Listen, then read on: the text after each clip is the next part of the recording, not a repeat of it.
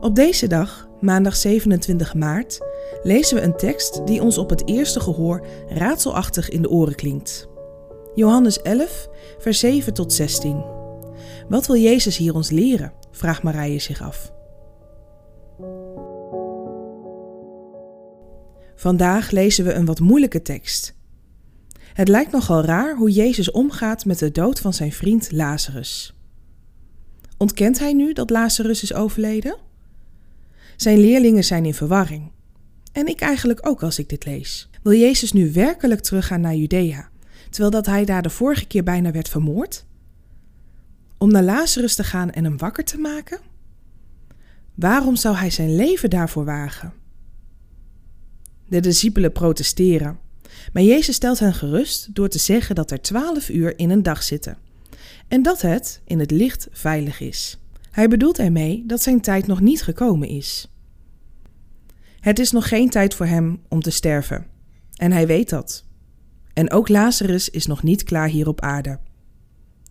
De discipelen begrepen er niks van, maar komen uiteindelijk toch achter hem aan. Al was het met het idee dat het beter was om dan maar met hem te sterven, als de woedende menigte Jezus te pakken kreeg. Deze raadselachtige tekst lijkt op het eerste moment moeilijk toepasbaar op de concrete situaties in ons eigen leven, want het is zo'n specifieke situatie. Toch staat dit gedeelte niet voor niks in de Bijbel en kan het ons ook bemoedigen. Deze tekst laat zien dat Jezus inzicht heeft in wat er gebeuren gaat, dat hij weet wat goed is en dat hij verder kan kijken dan de hopeloosheid van de situatie. Die leek uitzichtloos en onrustbarend. Lazarus was dood en de mensen zaten achter Jezus en zijn discipelen aan om hen te vermoorden. Maar Jezus handelde niet naar de hopeloosheid van de situatie.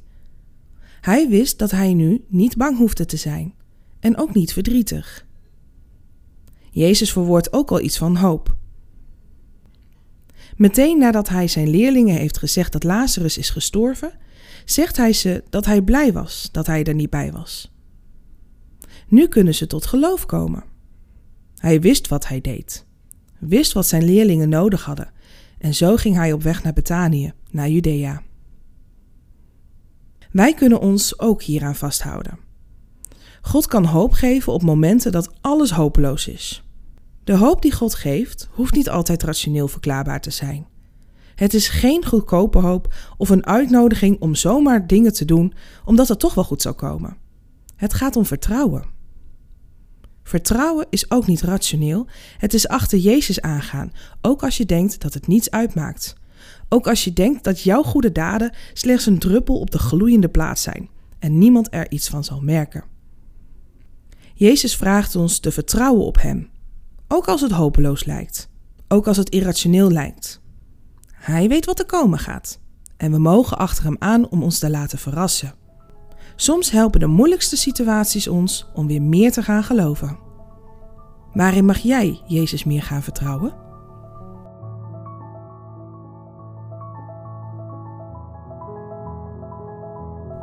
Leuk dat je luistert naar 40 dagen hier en nu. De podcast die je wil helpen om Jezus te volgen in jouw hier en nu. Deze podcast is een initiatief van Verre Naasten, Lume, LPB Media en Kerkpunt. Wil je meer weten over deze podcastserie? Ga naar 40dagenhierennu.nl. Voor de Bijbelteksten in deze podcast gebruiken we de MBV 21 van het Nederlands-Vlaams Bijbelgenootschap.